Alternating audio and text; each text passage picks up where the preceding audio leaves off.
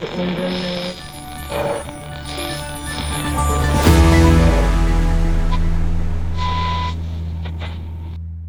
och välkomna till 6 minuter, en nyhetspodd i kortformat från tidningen Arbetaren, där vi kort sammanfattar den gångna veckan.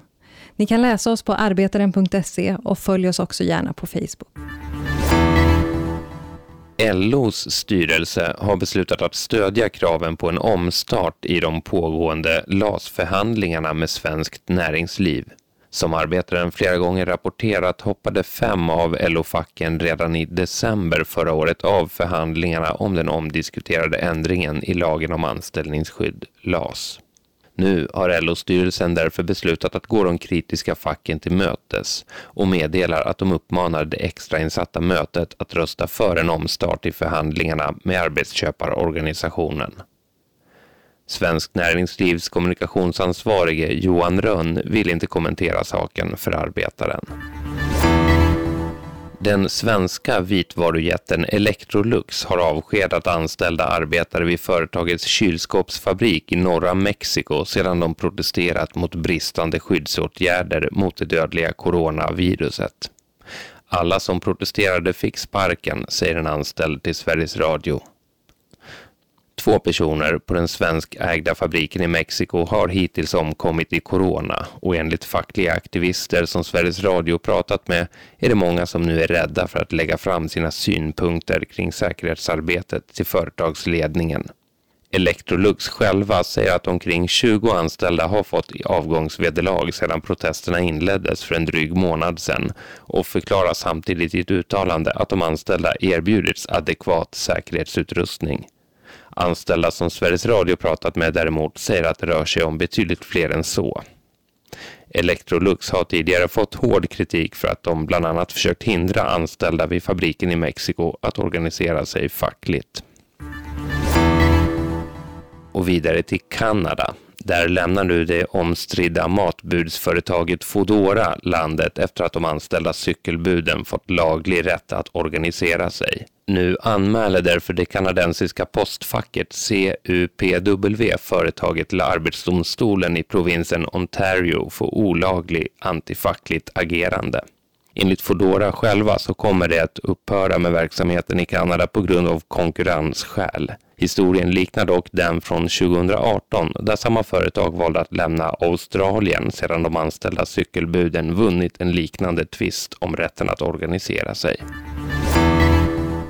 Vidare tillbaka till Sverige. Där har en mängd med små plastartiklar flutit i land på västkusten de senaste dagarna.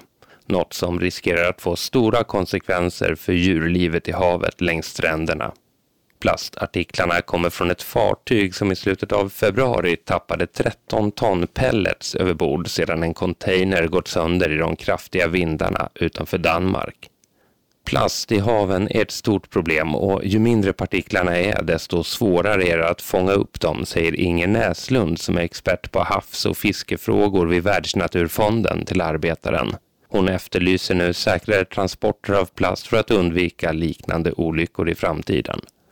Idag beräknas det finnas omkring 150 miljoner ton plast i världens hav. Och om inget görs menar många forskare att inom 30 år kommer att finnas mer plast än fisk i världshaven. Allt det här och mycket mer kan du läsa på arbetaren.se. Nu över till sista ordet med Annie Hellqvist. I veckan framkom att den tidigare S-politikern Ilja Batljan är misstänkt för brott mot marknadsmissbrukslagen. Kanske döms han för brott, kanske frias han. Men borde vi inte också titta lite närmare på vad han faktiskt gör i fullt dagsljus? Under sin karriär som socialdemokratisk politiker hamnade han i rampljuset som en av de inblandade i Prime-skandalen. Den inte så snygga historien om hur PR-byrån Prime, på uppdrag av Svenskt Näringsliv, arbetade för att vrida Socialdemokraterna högerut. När han 2011 gick över till fastighetsbranschen och blev vice vd för Rikshem kallades han för en Zlatan-värvning. Under några expansiva år växte Rikshem i rekordfart på att köpa upp allmännytta och kritiserades också för att använda sig av renovräkningar. Alltså renoveringar med stora hyreshöjningar som följd. Batljan fick också kritik för att använda sig av sitt socialdemokratiska renommé för att propagera för utförsäljningar till Rikshem. Han gick sedan vidare till att starta fastighetsbolaget SBB. Affärsidén beskrivs i en nyhetsartikel i Expressen som att köpa upp samhällsfastigheter i kommuner med ansträngd ekonomi och sen hyra ut dem tillbaka på långa kontrakt. År 2023 siktar han på att bolaget ska nå ett fastighetsinnehav till ett värde av 40 miljarder. 75 procent ska vara samhällsfastigheter. Bortom brottsmisstankarna borde vi rikta blickarna mot just detta. Vad aggressiva förvärv av allmännytta och samhällsfastigheter gör med vårt gemensamma. När det vi äger tillsammans görs till varor på en snabb spekulationsmarknad. För det är inte bara när lagar bryts som saker tar skada.